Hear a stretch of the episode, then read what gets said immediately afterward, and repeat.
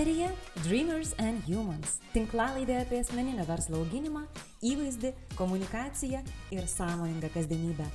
Aš Julija Brodskė, įvaizdžio ir komunikacijos konsultantė bei mokymų vedėja. Esu tam, kad įkvėpčiau dalintis geriausiu, ką turite, o prekės ženklus kurti su žemėlapiu rankoje.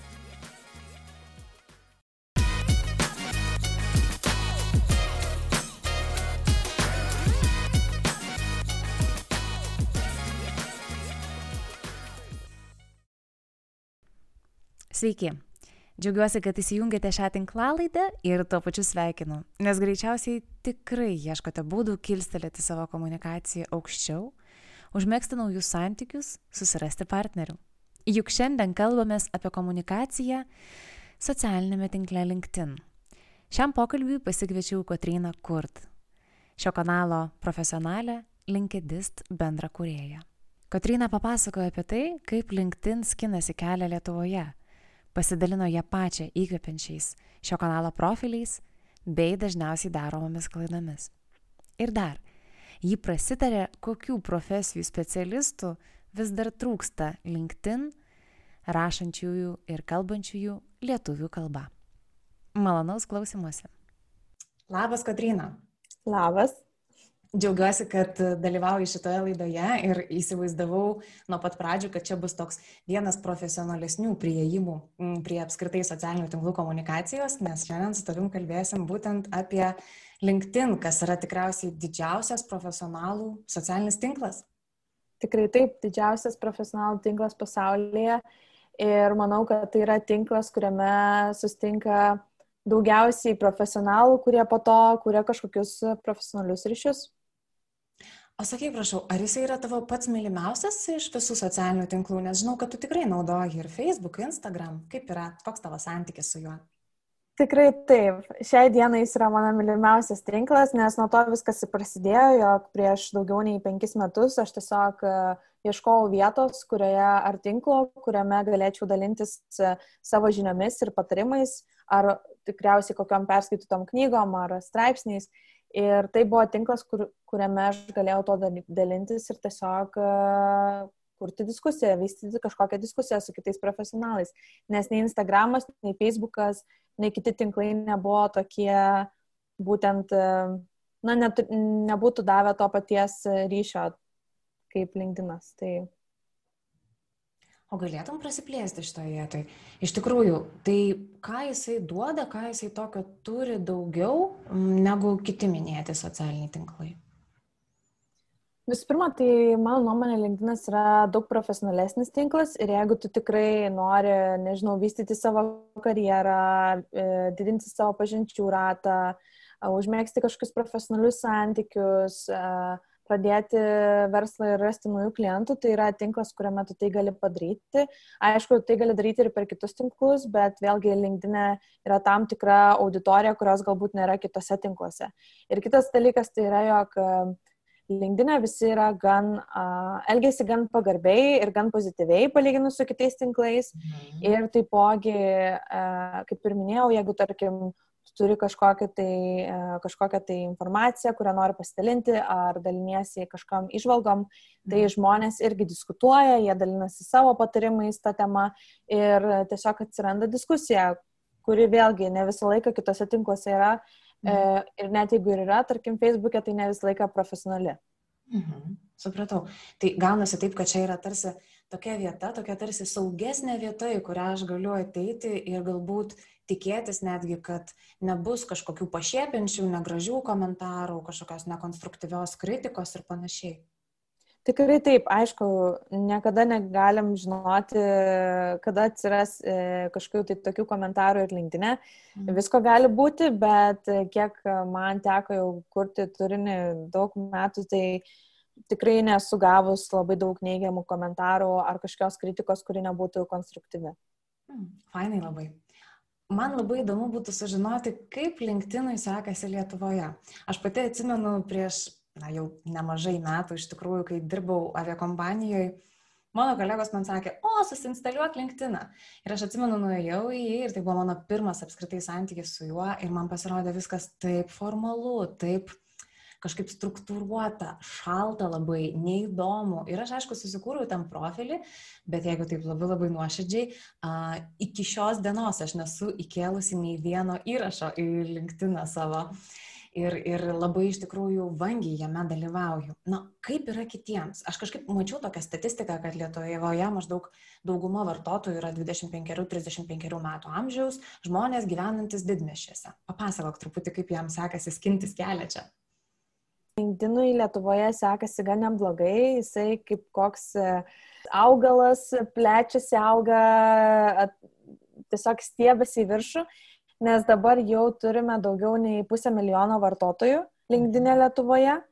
Ir tai yra tikrai puikūs skaičiai, ypač per karantiną ir per, per visą šį laikotarpį, kuomet įvyko visi šitie pokyčiai su COVID, e, vartotojai ženkliai irgi išaugo. Ir e, Lietuvoje LinkedInas aktyvėja. Aš mėgstu sakyti, jeigu, pavyzdžiui, LinkedInas atsirado Amerikoje, tai jis ten turi dešimtuką ir ten visi tikrai išnaudoja. E, Skandinavijoje, pavyzdžiui, jisai, tarkim, koks stiprus aštuonetas, tai Lietuvoje jisai dar e, septyn, septynetas ar šešetukas, bet tikrai jau ves kitas Europos šalis ir pačią Ameriką. Taipogi daugelis Lietuvoje esančių e, žmonių irgi pradėjo kurti turinį ir po truputį pradeda rūpinti savo LinkedIn profiliais. Tai, o tas pats faktas, kad um, daugelis žmonių yra iš didmeščių, kurie yra būtent LinkedIn vartotojai, tai tai tikrai yra tiesa.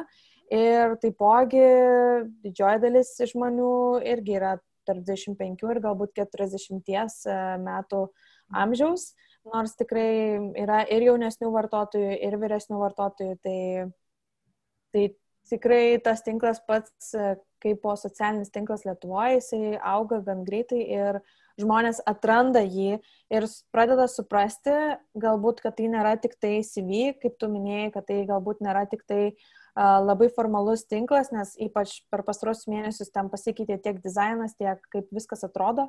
Tai manau, kad tai tampa daug daugiau žmonėm negu tik tai tinklas, kuomet ieškomės darbo. Žinai, man atrodo, kad vienas dalykas yra ieškotis darbo arba ieškotis tenais darbuotojų, kas yra tikrai populiaru linktinė, bet taip pat jis labai yra pažįstamas verslas verslui atstovų, kurie puikiausiai mesga kontaktus ir ieško bendradarbiavimų ir panašiai. Tai dėl to mes, tarkim, nebejojame. Bet aš tiesą sakant, ruoždamasi šiai tinklalaidai, sulaukiau ne vieno klausimo iš žmonių, o ar verta jame turėti paskiras tiems, kurie, na, yra tokie laisvai samdomi freelanceriai arba asmeninių prekės ženklų kuriejai, jogos mokytojai, coacheriai, e, konsultantai įvairūs, galbūt samoningumo vedliai. Jie sako, mes ten kažkaip keistai jaučiamės. Kokia tavo nuomonė? Manau, priklauso nuo industrijos, bet e, tikiu, jog e, profilį turėti gali ten kiekvienas. Galbūt ne kiekvienam šis tinklas e, padės tiek, kiek, tarkim, kitiems žmonėms jisai padeda.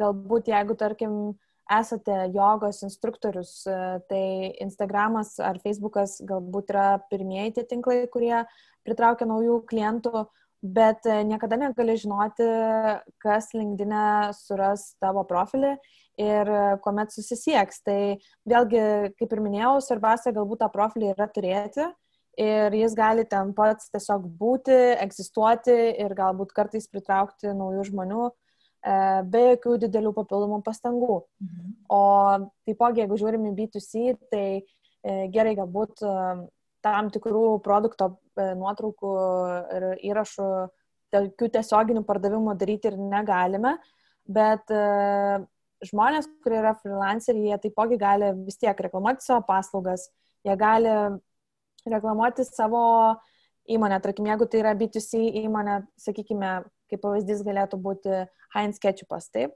daugiau apie savo įmonės kultūrą ir apie tai, kas ten vyksta, kaip vyksta produkcija ir galbūt tiesiog uh, brandinti save kaip, uh, na, savo darbdavio įvaizdį, kaip, savo darbda, kaip darbdavę.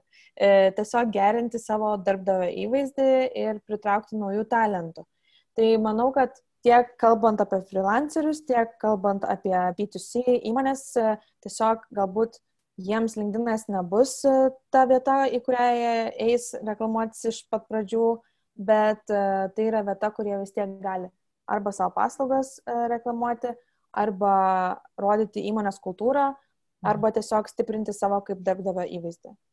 Mhm.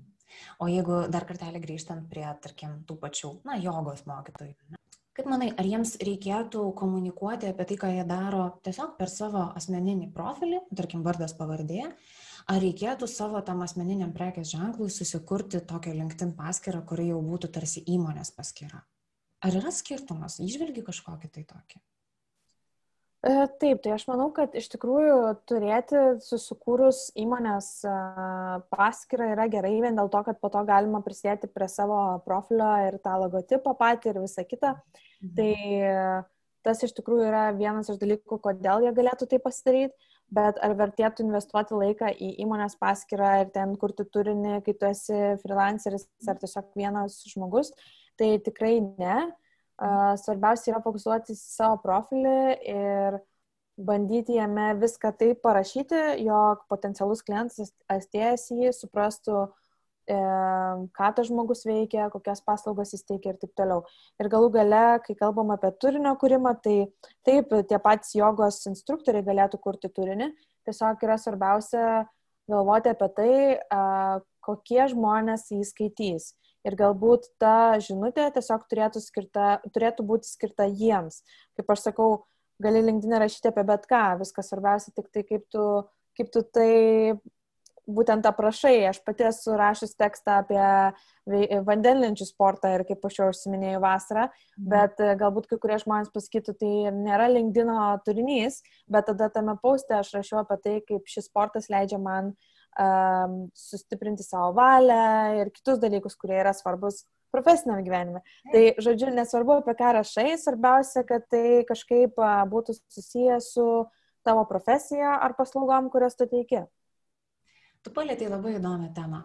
Iš tikrųjų, e, man atrodo, kad LinkedInas evoliucionavo per e, visą laiką savo buvimo į tai, kad iš tikrųjų jame turinys po truputį keičiasi ir darosi vis asmeniškesnis ir žmonės įtraukia įvairias temas ir nekalba vien tik tai apie savo industrijos naujienos arba kokius projektus jie šiuo metu įgyvendina arba vat, būtent kaip pati minėjai apie kompanijos vertybės arba komandą, bet vis daugiau atskleidinėja ir savęs. Ir netgi kažkur tai mačiau a, tokias žinutės apie tai, kad, na, tarsi jau ir nebelabai madinga vien tik tai su kostiumais ir kaklarašiais fotografuotis. Linktinė visai normalu parodyti visas savo gyvenimo pusės. Taip, tai yra tiesa, turinys e, turi būti autentiškas, jeigu tikrai nori, jog jis veiktų. Pastebėjome, jog, pavyzdžiui, tarkim, lyginant video, kurie būna sukurti vienas video labai geros kokybės, profesionalus, studijoje, kameros, šviesos, viskas. Ir atrodo, turėtų tikrai gerai pasiekti gerus rezultatus, bet vis dėlto žmonės jaučiasi šiek tiek nutolę nuo būtent e, to žmogus, kuris padaręs būtent tą video. Dėl to dažnai siūlome daryti vidutinės kokybės turinį, kas mhm. būtų galbūt labai keista, mhm. bet jis neturi būti nei per daug nušlifuotas, nei per daug toks namų turinys. Tai turi būti kažkas per vidurį, kur tu vis dar atrodai profesionaliai, bet galbūt tu, tarkim, pasidarai nuotrauką iš savo ofiso ar nuotrauką su savo ten ofiso stalu Galbūt tai nėra kažkokia aukščiausios kokybės nuotrauka, bet jinai leidžia tiesiog žmonėm uh, pamatyti šiek tiek uh, tavo kasdieninio gyvenimo, bet taipogi iš profesinės pusės. Tai mhm. Tai trumpai žodžiais tariant, uh, svarbu rasti tą viduriuką ir autentiškumą ir tai tikrai labai labai veikia. Mm, kokios yra tendencijos, apie ką žmonės daugiausia kalba visgi savo paskiruose? Ar tai kažkaip lemia tai, ar jie yra tam tikrų įmonių darbuotojai, ar jie yra įmonių vadovai? Tai iš tikrųjų daugiausia žmonės bando parodyti, ar nebūtinai parodyti, bet galbūt dalintis tą informaciją ir žiniomis, kurios vienaip ar kitaip tą žmogų E, ar tam žmogui padėtų sukurti savo asmeninį įvaizdį kaip tam tikros srities profesionalo. Tai reiškia, kad e, dažnai žmonės dalinasi straipsniais, naujienomis iš industrijos, dalinasi kažkokiamis tai istorijomis ar patarimais, kuriuos jie išmoko per tam tikrą kiekį metų, tam tikrą laiką. Ir manau, kad tai yra pats populiariausi tokie kaip pačios populiariausios temos ir iš tikrųjų nėra vienos tokios temos, kuri ateitų man dabar į galvą ir galvočiau, kad va, tikrai yra populiariausias dalykas, apie ką žmonės rašo, nes tikrai yra rašoma apie viską, labai priklauso ir nuo industrijos, bet manau, kad dažnai tai būna kažkokie tai patarimai arba istorijos, nutikimai darbe, nutikimai su klientais arba tiesiog vat, kažką, ką žmonės skaito ar kuo domisi. Pavyzdžiui, vienas iš paskutinių turinio tipų tai yra e, LinkedIn Stories ir LinkedIn dokumento tipo įrašai ir, tarkim, LinkedIn balsavimas. Tai jeigu žmogus pradeda automatiškai naudotis naujomis funkcijomis, tai tuomet jo e, įrašai sulaukia daug daugiau įsitraukimo, kaip ir bet kokioje kitoje platformai. Mhm. Bet e, geriausiai veikia tai, aišku, nuotraukos, e, įrašais nuotraukomis, taipogi dokumento tipo įrašai, kur žmonės įkelia PDF ir jie ten gali tiesiog braukti į šoną. Ir, ir manau, kad video. Tai tokie top 3 ir tada galų gale naujos funkcijos, tokios kaip balsavimas ar LinkedIn Live transliacija ir taip toliau. Mhm. Viena vadovė visai neseniai irgi užklausė tokio klausimo, sako, na gerai, aš labai mėgstu kurti iš tikrųjų turinį socialiniuose tinkluose ir jinai visuose yra labai aktyvi ir jai tikrai labai labai patinka būtent rodyti tą tokią labai autentišką vadovės, moters, karjeristės gyvenimo pusę. Ir jinai sako, na gerai, aš keliu ten stories ir darau Instagram reelsus ir panašiai, bet sako, LinkedIn stories man visiškai neaišku, aš sako, taip abejoju dėl to, ką tenais kelt ir nekelt, nes suprantu, kad čia norėtųsi bendrauti kitokiam lygmenį. Nu dabar tu man pasakyk, ar tu pati keli LinkedIn stories ir ką tu jas dedi, arba ką matai daugiausia žmonės irgi, kaip išnaudojant būtent šitą įskiepį. Kadangi tai yra naujas, e, nauja funkcija LinkedIn, e, tai vėlgi labai daug pavyzdžių dar nemačiau, bet pati tikrai pradėjau naudoti LinkedIn Stories. E, pastebėjau keletą dalykų. Vienas tai, jog labai nedaugelis žmonių dar būtent naudojasi šią funkciją ir žiūri kitų žmonių stories. Tai jeigu, tarkim, aš turiu šiuo metu apie 18 tūkstančių sekėjų, tai stories peržiūri gal tik 100 ar max 200 žmonių, kas yra tikrai labai mažai. Ir piški panagrinėjus, matosi, jog pirmą, tai žmonės yra dar nepripratę, tai reiškia, jog žmonės yra neįpratę žiūrėti stories linkdinę ir jos yra tik tai pasiekiamos per telefoną. Tai Tai antras dalykas, kad daugelis žmonių LinkedIn naudojasi per kompiuterį, tai jie net nemato tų stories. Tai mhm. čia tokie du dalykai, kuriuos mes pastebėjom. Ir dar, dar vienas dalykas yra tas, jog LinkedInas dar yra nesutvarkė savo algoritmo, tai kai tu žiūri į tą visą virtinę storių, nei yra jie pagal populiarumą sudėlioti, nei jie yra sudėlioti pagal tos žmonės, kuriuos tu mėgsti, yra tiesiog išbarstyti kiekvieną dieną vis skirtingai ir tu, e, jeigu nori surasti vieną ar kitą žmogų, tu turi labai daug braukti, ypač jeigu turi daug e, pažinčių mhm. ir tu negali tiesiog užėjęs ant žmogaus profilio pamatyti jo stories. Tu turi būti pagrindiniam puslapį ir ieškoti ten to žmogaus vienintelio, kurį tu nori pamatyti, kas tikrai yra labai netvarkinga ir dar kol kas nesutvarkyta. Bet žinau, kad LinkedIn CEO direktorius e, pasakė praeitą savaitę, jog e, LinkedInas uh, atnaujins stories funkciją greitų metų ir vis daugiau bus naujų funkcijų, taipogi bus Instagramo funkcija, kur gali e, braukti į viršų ir e, nueiti į tam tikrą puslapį, tai ta funkcija irgi bus linkdinė. Tai manau, kad po truputį, e, manau, ir linkdino stories pagerės, bet dabar tai yra tikrai bardakas. Pati keliu iš tikrųjų šiandien, pavyzdžiui, ką keliau, tai dariau mokymus E, kėliau nuotraukas ir video iš mokymų vietos, mhm. būtent ką ten rodžiau, pasakojau, kad e, darysiu šios mokymus, papasakojau, kad būtent dalyvausiu šiame, e, šiame podcast'e šiandien su tavim. Tai tiesiog bandau kelti ar tai kažkokią tai statistiką, ar naujienas, dalinuosi įvairiomis nuotraukomis tiek iš kitų įmonių, būtent tyrimų darytų, ir taipogi parodyti žmonėms, kažkokias tai įdomias savo gyvenimo detalės, tai tarkim, ar tai mokymus, kuriuos darau, ar tai va, su žmonėms, su kuriais sutinku ir taip toliau. Tai mhm. grinai a, profesinės uh, stories, tai reiškia, kad susijusios su mano profesiniu gyvenimu. Aš visą laiką kažkaip, žinai, mėgstu atskirti truputėlį, na, kad galvoje atsirastų aiškumas, kaip ką reikėtų daryti, tai kažkaip visą laiką galvoju taip, na gerai, paustai, jie turi tą išliekamąją vertę ir jie lieka ant sienos ir juose iš tikrųjų galima ir daugiau papasakoti ir plačiau. Uh, apie svarbius dalykus. O stories jos tikrai labai labai puikiai tinka na, tam visam behind the scenes, virtuviai kažkokiai, ne, ką skaitau, kur važiuoju, su kuo susitinku. Galbūt tai yra mažesnės išliekamosios vertės turintis turinys, bet visai gražiai irgi formuoja tam tikrą įvaizdį ir profesionalaus žmogaus įvaizdį. Mhm. Tikrai taip ir netgi uh, tokios platformos kaip tarkim Canva jau irgi turi LinkedIn Stories template'us ir irgi galima pradėti juos naudoti ir, ir, ir kurti turinį LinkedIn. E. Tai manau, kad tas toksai įstraukimas ir matomumas jisai ateis su laiku, o kol šis įrankis yra gan naujas ir ši funkcija, tai siūlau visiems ją išbandyti. Gerai, ačiū tau.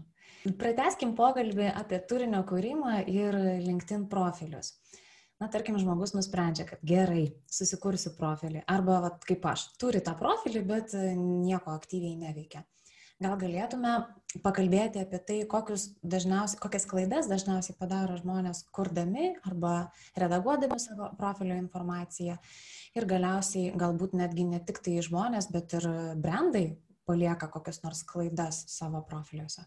Taip, tai jeigu kalbam apie žmonių profilius, manau, kad didžiausias klaidas yra tos, jog e, žmonės neužpildo visų skilčių savo profilėje, tai reiškia, jog palieka tiek aprašo skilti tuščią, tiek e, pavadinimą, tiek falo nuotrauką ir, ir taipogi neprašo tiksliai, kokios buvo jo atsakomybės prie kiekvienos e, būtent pozicijos.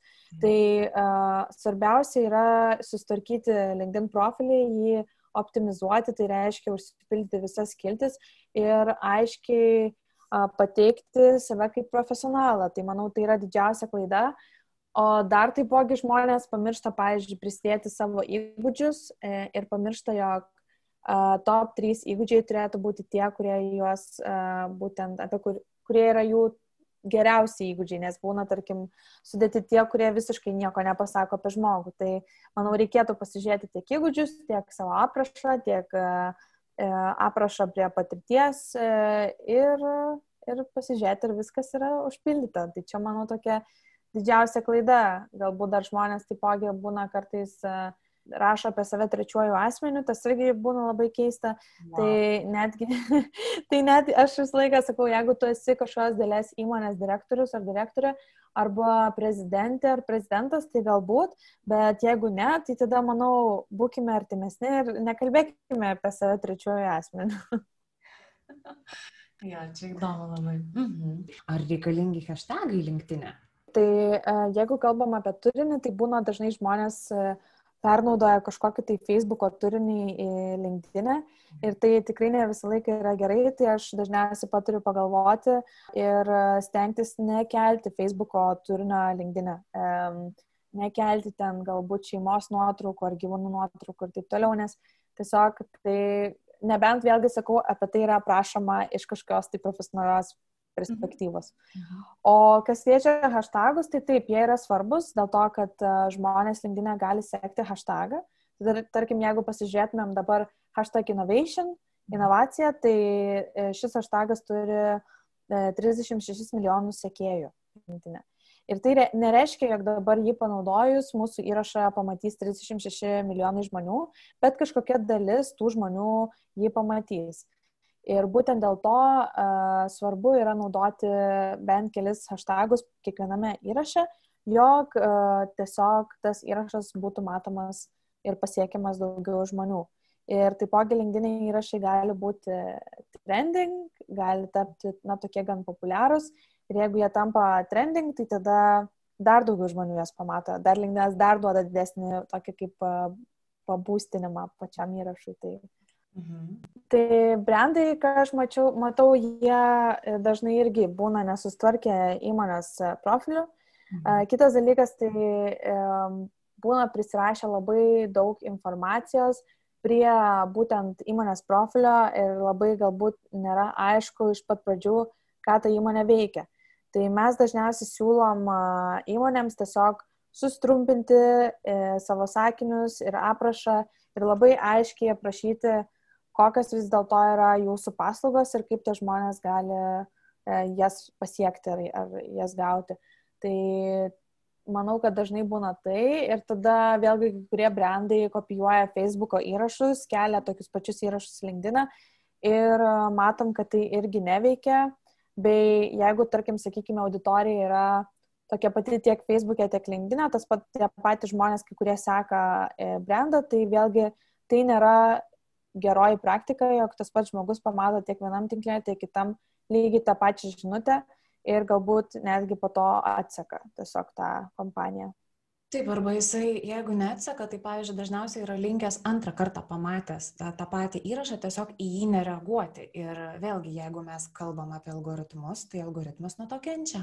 Tikrai taip. Mhm. Tai, tai va, tai tokios, manau, didžiausias klaidos kažkokių tokių labai didelių klaidų nėra, bet nu, tokie mini niuansai, kuriuos galėtų įmonės pastvarkyti, tai yra ten aprašai, komunikacija pati ir tiesiog atkreipti dėmesį, kad tai, tai yra visai kita auditorija negu kitam socialiniam tinklui. O Kotryna, turi tokių kažkokių fainų, įkvepiančių tau pačiai imponuojančių pavyzdžių, vat, kur sakytum, kad, nu, vat, faini LinkedIn profiliai, ar asmenybių prasme, ar galbūt irgi prekės ženklai kažkaip gražiai, įdomiai komunikuoja? Rekomenduočiau pasižiūrėti Lietuvos pašto komunikaciją LinkedIn. Oho. Jie netgi yra apdovanoti uh, už puikią komunikaciją LinkedIn. Wow. Tai tikrai siūlau pasižiūrėti, kaip jie komunikuoja, kaip jie yra uh, suaktyvavę savo būtent vadovus ir kolegas, kaip visi yra uh, gan suinteresuoti ir komunikuoja labai daug linkdinę. Tai yra tikrai puikus pavyzdys įmonės, kuri galbūt atrodytų tokia uh, netipinė, ne kokia nors software įmonė, bet tikrai vat, paštas Lietuvos turi puikų, puikų profilį linkdinę. Taipogi Invest Lithuania ir jeigu iš tokių labiau tarptautinių pavyzdžių, tai sakyčiau HubSpot puikiai komunikuoja LinkedIn, puikus profilis, daug sekėjų. Mhm. Ir, ir tada taipogi Gong, Gong.io irgi tokia įmonė labai, labai gerai komunikuoja. Tai čia būtų va tokios įmonių, įmonių paskiros ir įmonių pavyzdžiai. O kas liečia žmonės, tai sakyčiau, Jeigu Lietuvoje, tai siūlau pasižiūrėti Dominikos Venciūtės e, įrašus, e, Linkdinė Tomo Ramanausko, Martino Zarembos, e, Eglės Petrevičias ir, ir kitų. Iš tikrųjų labai šiuo metu, kadangi tinklas sparčiai auga, tai su diena daugėja tų naujų turinio kuriejų linkdinė, tai tiesiog man irgi įdomu kiekvieną kartą atsidarius matyti vis naujus veidus ir naujus žmonės, kurie kažką komunikuoja. Jeigu žiūrim, tarkim, į užsienį, tai vėlgi yra labai daug žmonių. Tai Natalija Vechovski komunikuoja daug apie asmeninį įvaizdį, Michaela Alexis, Richard Moore. Tikrai daug yra vardų, galbūt man reiktų padaryti įrašą apie tai, bet, bet taip, nemažai žmonių yra irgi, kurie įkvepia. Tu žinai, aš taip pastebiu tokį dalyką. Man asmeniškai yra taip, kad dažniausiai veikti ir kažką daryti labiausiai įkvepia būtent kiti žmonės ir kitų pavyzdžiai. Tai aš būtinai, būtinai užeisiu pas šituos žmonės ir brandus į profilius pasižiūrėsiu ir labai labai nenustepčiau, jeigu įsikvėpsiu ir vat, pradėsiu kažkaip aktyviau reikštis ir šitam socialiniam tinkle. Na ir šiaip tikriausiai dar reikia, nežinau, galbūt daugiau kontaktų, kad būtų įdomu jame lankytis ir sekti ir skaityti.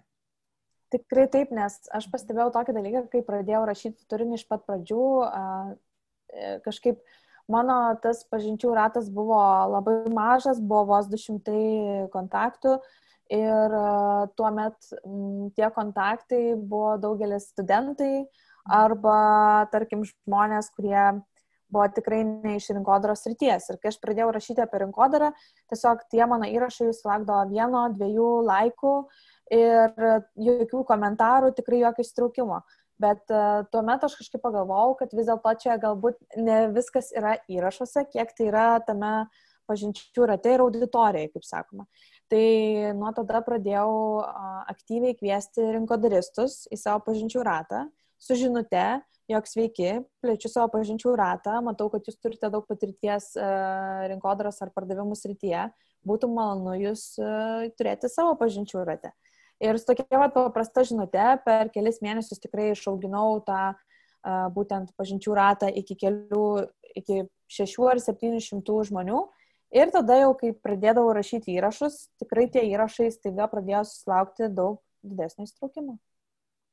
Tai nerekomenduotum tiesiog eiti ir konektinti žmonės, vat, 1, 2, 3, 4, vieną po kito. Reikėtų tokio asmeniško prieimo, teisingai? Čia yra pagrindinė mano žinutė bet kam, jog ypač šiais laikais, kai daugelis žmonių yra taipogi skeptiški ir ne visi, kurie tavęs nepažįsta, prims tave į pažinčių ratą, Tai norint tiesiog padidinti tą prieimimo uh, procentą, visą laiką siūlau parašyti paprastą žinutę, tiesiog ar tai yra dėl įdomumo, ar tai dėl pažinčių rato plėtimo, ar tai dėl to, kad turi daug bendrų pažįstamų, dėl mhm. kažkokios priežasties vis tiek bandom prisidėti tą žmogų ir tas nesausas pakvietimas yra daug geriau, dėl to, kad netgi jeigu žmogus jūs pridės, galbūt jis jums atrašys ir jūs jau pradėsite su tuo žmogumi mėgsti kažkokį ryšį.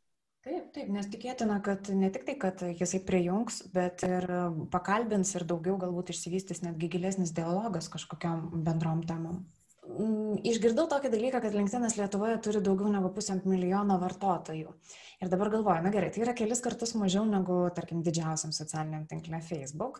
E, bet ar tai ir lemia tai, kad e, galbūt bendravimas yra efektyvesnis, kadangi tenais yra mažiau žmonių, tai galbūt, pavyzdžiui, galim tikėtis didesnio įsitraukimo LinkedIn'e?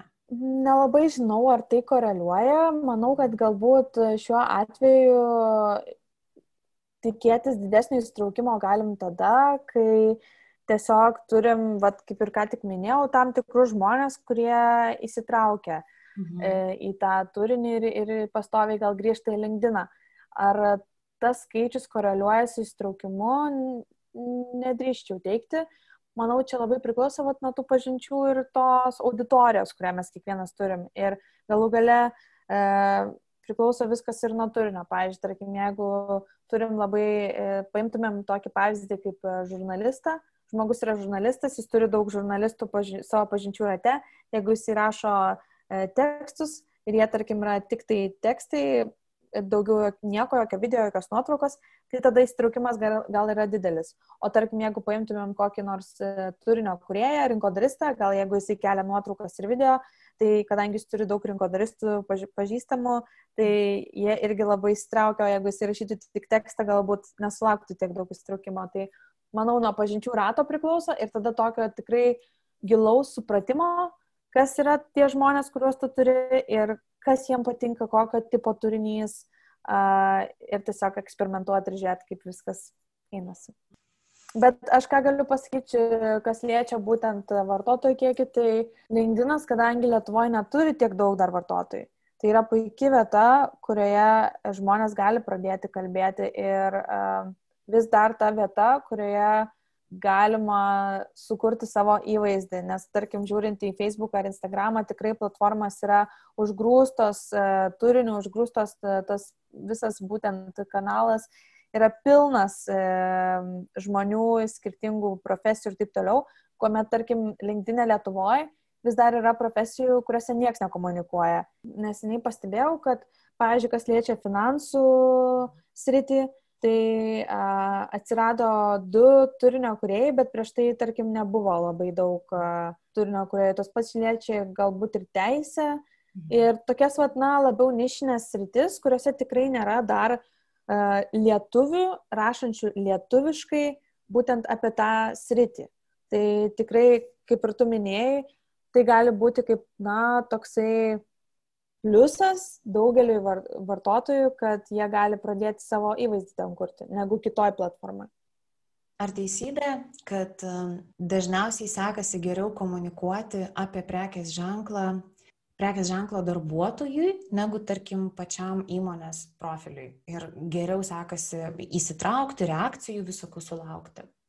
Žmonės yra įpratę bendrauti su žmonėmis, pirkti žmonių ir būtent dėl šios priežasties visą laiką tas toksai turinys iš žmogaus profilio ir jo paties nuomonė bus daug įdomiau negu labai gražiai sutvarkytas ir profesionaliai pateiktas įmonės įrašas. Tai čia tikrai yra tiesa ir netgi neseniai buvo atliktas tyrimas, tokia įmonė Connected Circles atliko tyrimą, būtent palygino vadovų profilius LinkedIn ir jų gaunamą įsitraukimą, kai jie parašo įrašą ir tos įmonės e, parašyto įrašo įsitraukimą.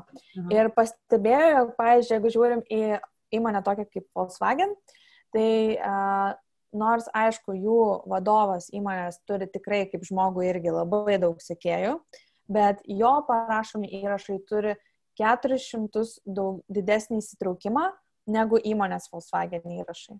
Tai manau, kad tai buvo puikus įrodymas, tenais buvo tas pats tyrimas atliktas su nemažai profilių, taip pat ir IKEA vadovo ir kitų įmonių didelių. Mhm. Ir pastebėta ir parodyta, jog taip, jeigu vadovai komunikuoja, darbuotojai komunikuoja, tai uh, jų įrašai ir uh, jų profiliai pritraukia daug daugiau žmonių. Šiaip tai tikrai, kaip galvoju, tai būtų žymiai įdomiau sekti net ir tarkim, Volkswageno ar Ikėjos, nebūtinai net vadovaujančias pozicijas užimančio žmogaus profilį, bet apskritai galbūt netgi kaip tik kažkokios nematomos absoliučiai profesijos atstovą, nes vėlgi yra toks tarsi sneak peek momentas ir įdomu pasižiūrėti, kaip jis ten dirba, ką jis daro, kokia jo išvalgos nuomonė. Hm, labai įdomu. Mhm. Ar mitas, ar tiesa, kad uh, LinkedIn e, reklama yra brangesnė negu kitų socialinių tinklų? E, LinkedIn reklamuotis yra gan brangu palyginus, tarkim, su Facebooku, bet kaip aš mėgstu sakyti, LinkedIn tu tiksliai žinai, kokius tu žmonės pasieksi, tiksliai gali žinoti, kokiu pozicijų žmonės tu pasieksi ir viskas um, priklauso nuo kokybės, o ne kiekybės. Nes bent jau kiek man teko susidurti, Facebook'e iš tikrųjų yra labai uh, geri tie rezultatai, labai daug žmonių pasiekta, labai pigu, bet niekada nežinai, kokie tie žmonės, nelabai aišku, kartais žmogus gali turėti uh, netikrą profilį ir tu ir jį pasieksi, gali net neturėti nei vardo, nei pavardės normalaus, o LinkedIn tu tikrai žinai, kad tu pasieksi žmonės, kurie ir informaciją visą susipildė, ir profesionalai, ir tu netgi gali į savo reklamą įtraukti tam tikras įmonės ir tų įmonių vadovus. Ir žin, tu tikrai žinosi, kad, tarkim, iš Coca-Cola įmonės visi vadovai mato tavo reklamą, kas iš tikrųjų yra tikrai puikia funkcija ir manau, kad tai yra verta tų a, pinigų didesnių, nes vis dėlto, jeigu įmonės gauna naujus klientus per LinkedIn, tai jie atperka visą reklamą. Kokia fantastika, tai žiūrėk, jeigu tarkim aš esu renginių organizatorius ir noriu daryti renginius įmonėse, tai aš galiu targetinti grinai, tarkim, tų įmonių personalo departamentų vadovus arba žmonės, kurie priima sprendimus dėl renginių organizavimo. Tikrai taip, aišku, yra tam tikri niuansai, kaip, pavyzdžiui, kad ta auditorija turi būti didesnė nei, e, nei 10 tūkstančių.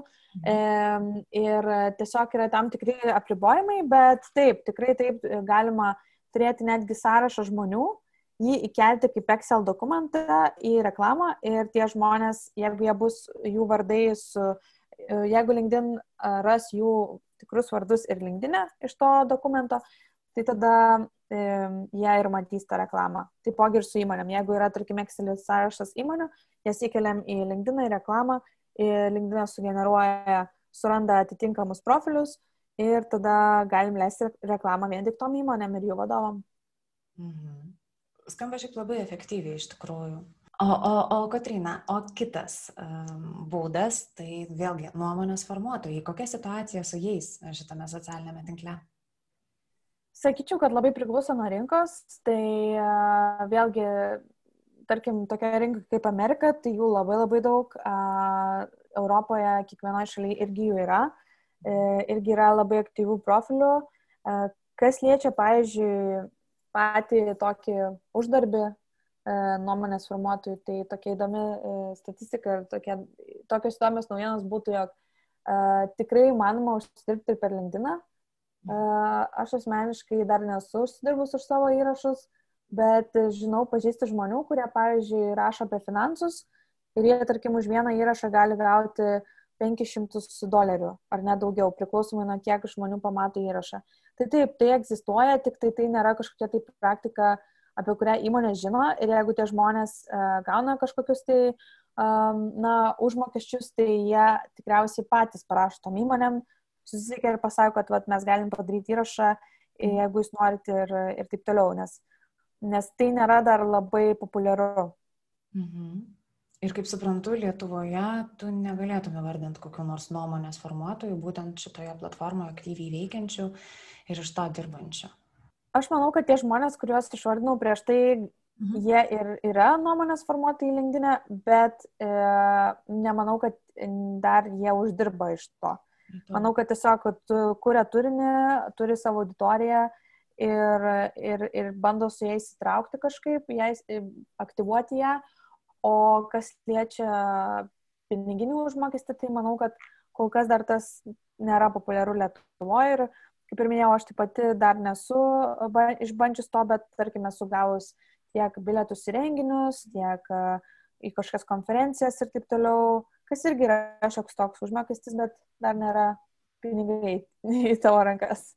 Mhm. Na, va, puikiai niša, jeigu norisi pasibandyti save šitoje srityje, manau, kad galima tiesiog pradėti kurti labai aukštos kokybės, gerą kokybišką turinį Taip, ir, ir, ir manau, kad vėlgi čia yra tas toks dalykas, kad, na, e, tie tokie produktai patys jie yra kitokie linkdinė ir e, manau, kad jeigu kažkas paprašo reklamuoti vieną ar kitą technologiją ar įrankį ar kažką kito, tai tada tu turi jį ir išbandyti ir tikrai pasižiūrėti, ar tu jį nori reklamuoti ir visą kitą. Kuomet Instagrame ar kitose tinkluose galbūt yra lengviau Jeigu tau yra duodamas kažkoks produktas, tu gali jį greit panaudoti ir iš karto pareklamuoti, jeigu tau patinka. O LinkedIn, tai vat, tas ta reklama yra tiesiog sunkiau, nes jinai yra kitokio ligmens. Galbūt labiau tokia profesinė, ar tu ten naudoji vieną ar kitą įrankį, tarkim, savo darbo, darbo tvarkė ir taip toliau. Tai Vėlgi, visai nenustepčiau, jeigu, žinai, žmonės linktinė dar labiau saugo savo reputaciją ir taip dar atsakingiau žiūri į savo vardą iš tikrųjų. Tikrai taip, nes nedaugelis nori asocijuoti savo profesinį įvaizdį su mhm. bet kuo, su bet kokiais brandais, su bet kokiais produktais ar paslaugomis. Tai dėl to manau, kad kažkaip nieks ir net nebando dar klausinėti žmonių ir jų prašyti, kad jie padarytų įrašus apie jų paslaugas. Mhm. Ar naudoji LinkedIn grupės? Kokia nuomonė apie jas? Nenaudoju LinkedIn grupės, jos yra kaip po mirusios, nes, nes jos neturi tam tikrų funkcijų, kurias turi Facebook grupės. Ir manau, kad pats LinkedInas irgi biškiai apleido, apleido grupių vystymą LinkedIn'e dėl to, kad tiesiog žmonės net negauna notifikacijų ar įspėjimų apie, apie kažkokias tai naujienas grupėse. Aš esu gal 30 grupių narė, bet per pastaruosius daugiau nei pusę metų niekada negavau jokios notifikacijos apie nei vieną įrašą ar kažką tose grupėse. Tai grupės LinkedIn'e tikrai nėra aktyvios ir nepatarčiau brandam fokusuotis ties jų vystimu. Nes mhm. mes net pačios turim Facebook'e grupę apie LinkedIn komunikaciją ir patarimus, bet ji yra Facebook'e. jo, iš tikrųjų pastebėjau šitą dalyką. Kaip vadinasi jūsų grupė beje? LinkedIn komunikacija ir patarimai. O sakyk, prašau, um, visgi, kaip manai, darbdaviai potencialūs užeina į žmonių profilius, LinkedIn profilius, prieš kviesdamiesi kandidatus į savo darbą. Gal irgi žinai Lietuvoje, kokios yra sėkmės, nesėkmės istorijos apie tai. Ypač šiais laikais, kai 80 procentų žmonių mūsų tinka virtualiai, tikrai žmonės prieš kviesdami kavos ar prieš netgi kviesdami į darbo pokalbį pasižiūri žmogaus socialinius tinklus ir šiuo atveju LinkedIn tai tikrai Aš dažnai mėgstu sakyti žmonėm, juk kai mes einam į, ar eidavom į darbo pokalbį ar susitikimą, mes visą laiką pasižiūrim ar pasižiūrėdom, ar mes susitvarkė, ar gerai atrodom, pasi, ar esam pasiruošę tam pokalbį, visa kita. Tas pats e, yra ir linkdinė, reikia susitvarkyti profilį, savo įvaizdį, nes niekada negali žinot, kas tavęs tenai sutinka, kas, kas su tavim susitinka su tavo profiliu. Tikrai busimi darbdaviai e, pasižiūri žmogaus linkdiną, E, kai kurie žmonės netgi naudoja tik LinkedIn e, kaip savo CV. Tai net nebėra jokio kito papildomo nei dokumento, nei nieko. E, ir manau, kad tai yra labai svarbu darbdaviui. Ypač aš žinau, jog, pavyzdžiui, yra tokie atvejai buvę, kuomet, tarkim, jeigu yra du potencialūs žmonės, kuriuos įmonė galvoja priimti į darbą, du kandidatai, vienas, tarkim, yra, e, turi daugiau patirties arba turi geresnį, aukštesnį išsilavinimą, o kitas nelabai, bet, pavyzdžiui, kitas, e, tarkim, turi stipresnį pažinčių ratą ir didesnį pažinčių ratą. Ir, tarkim, turi e, aktyvų LinkedIn profilį. Tai yra tekę girdėti, kad įmonė pasirenka tą žmogų, kuris turi didesnį pažinčių ratą. Nes šiais laikais įmonėm labai irgi svarbu, jog jų darbdaviai būtų, jų darbuotojai būtų aktyvus ir jie irgi pritrauktų įmoniai naujų klientų. Tai kartais netgi, jeigu ir tavo patirtis e, didesnė, jeigu ir tavo išsilavinimas geresnis, bet tu visiškai neturi jokio įvaizdžio virtualioje erdvėje, tai gali būti, kad pasirinks kitą kandidatą, kuris turi tą įvaizdį. Ir tavęs beklausydama aš dabar galvoju, jeigu būčiau, tarkim, didelės įmonės vadovė, netgi norėčiau turėti tokią komunikacijos strategiją. E, tai yra, kiek kokio turinio norėtųsi, kad darbuotojai sukurtų savo LinkedIn paskyruose ir tokiu būdu prisidėtų prie įmonės įvaizdžio ir apskritai sklaidos. Tai yra viena iš praktikų, jog e, dažnai įmonėse vadovai e, turi tam tikrą komunikacijos strategiją, e, labai priklauso nuo įmonės, bet um, dažnai matau, jog yra kažkokie tai, ar tai, pavyzdžiui, SEB bankas Lietuvoje. Jie turi tikrai uh, LinkedIn komunikacijos strategiją ir turi tam tikras guidelines, uh, kaip reikėtų komunikuoti, ką reikėtų daryti ir taip toliau. Yra tikrai begalio tokių įmonių. Tik tai vienos įmonės uh, į tai žiūri griežčiau, tai tarkim, galbūt prašo darbuotojų dalintis tik tai tokiais ir tokiais tekstais, tik tai tokiu ir tokiu metu, o kitos įmonės įgalina tuos darbuotojus ir tiesiog duoda jiems tematikas ir sako, kad, na, va, šiuose temose galite kurti ir rašyti. Tai taip. Ir dar toks vienas dalykas ir galbūt įdomus faktas, kai kuriuose įmonėse Danijoje jau yra pardavimų skyriaus vadovų kontraktuose įrašytas LinkedInas kaip jų darbo įrankis ir jokie kelias valandas turi praleisti linkdinę kiekvieną dieną. Tai jau nebėra pasirinkimas ir tai kai kuriems žmonėms, kurie dirba su pardavimais, tampa kaip darbo įrankis. Wow, geras. Mhm. O ar yra tokia gaji praktika ir paplitusi galbūt Lietuvoje praktika ieškotis darbo per LinkedIn, galbūt tiesiog tiesiai imti ir kontaktuoti tam tikros įmonės HR departamentus? Kaip čia sekasi? Taip, Taip, tikrai yra tokia praktika. Žmonės iš pradžių ieško darbo pasiūlymo linkdinę, tai ir aplikuoja tenais, o kai kurie žmonės irgi susikontaktuoja su būtent tai žmonėmis, kurie yra atsakingi už įdarbinimą ir, tarkim, kviečia padelį kavos arba tiesiog užduoda tam tikrus klausimus. Mano nuomonė, kiek, ir, kiek teko girdėti, tai labai gerai veikia strategija, kuomet e, prie darbo pasiūlymo galima pamatyti, kas tai yra per žmogus, kuris yra atsakingas už tą darbą ir tada aplikuojame ir plus dar po to parašome tam žmogui su vienu ar kitu klausimu, jog tas žmogus tiesiog, na, turėtų dar geresnę nuomonę apie, apie kandidatą. Tai taip, tai yra puikia praktika kviesti žmonės virtualiam skambučiui, kavai ir tiesiog papasakoti daugiau apie save ir galbūt padidinti savo šansus. Mhm. Katrina, papasakok, tugi esi LinkedIn bendrai kurie ir direktorė. Kas tai yra, ką jūs darote? Puikus klausimas. Tai su LinkedIn mes iš tikrųjų padedam kitom įmonėm ir žmonėm aukti su LinkedIn pagalba. Tai mhm. reiškia, jog mes galim padėti tiek su turinio kūrimu įmonėms, tiek su reklamų paleidimu, tiek su kampanijų sukūrimu ir taipogi atliekam įvairius vidinius mokymus tiek įmonėms, tiek, tiek žmonėms. Tai realiai, kaip aš mėgstu sakyti, bet kokios paslaugos, kokios tik žmogo ar įmonė reiktų susijusios su LinkedIn, mes tai galim padaryti, mes jums galim padėti ir mes tiesiog esam LinkedIn ekspertai.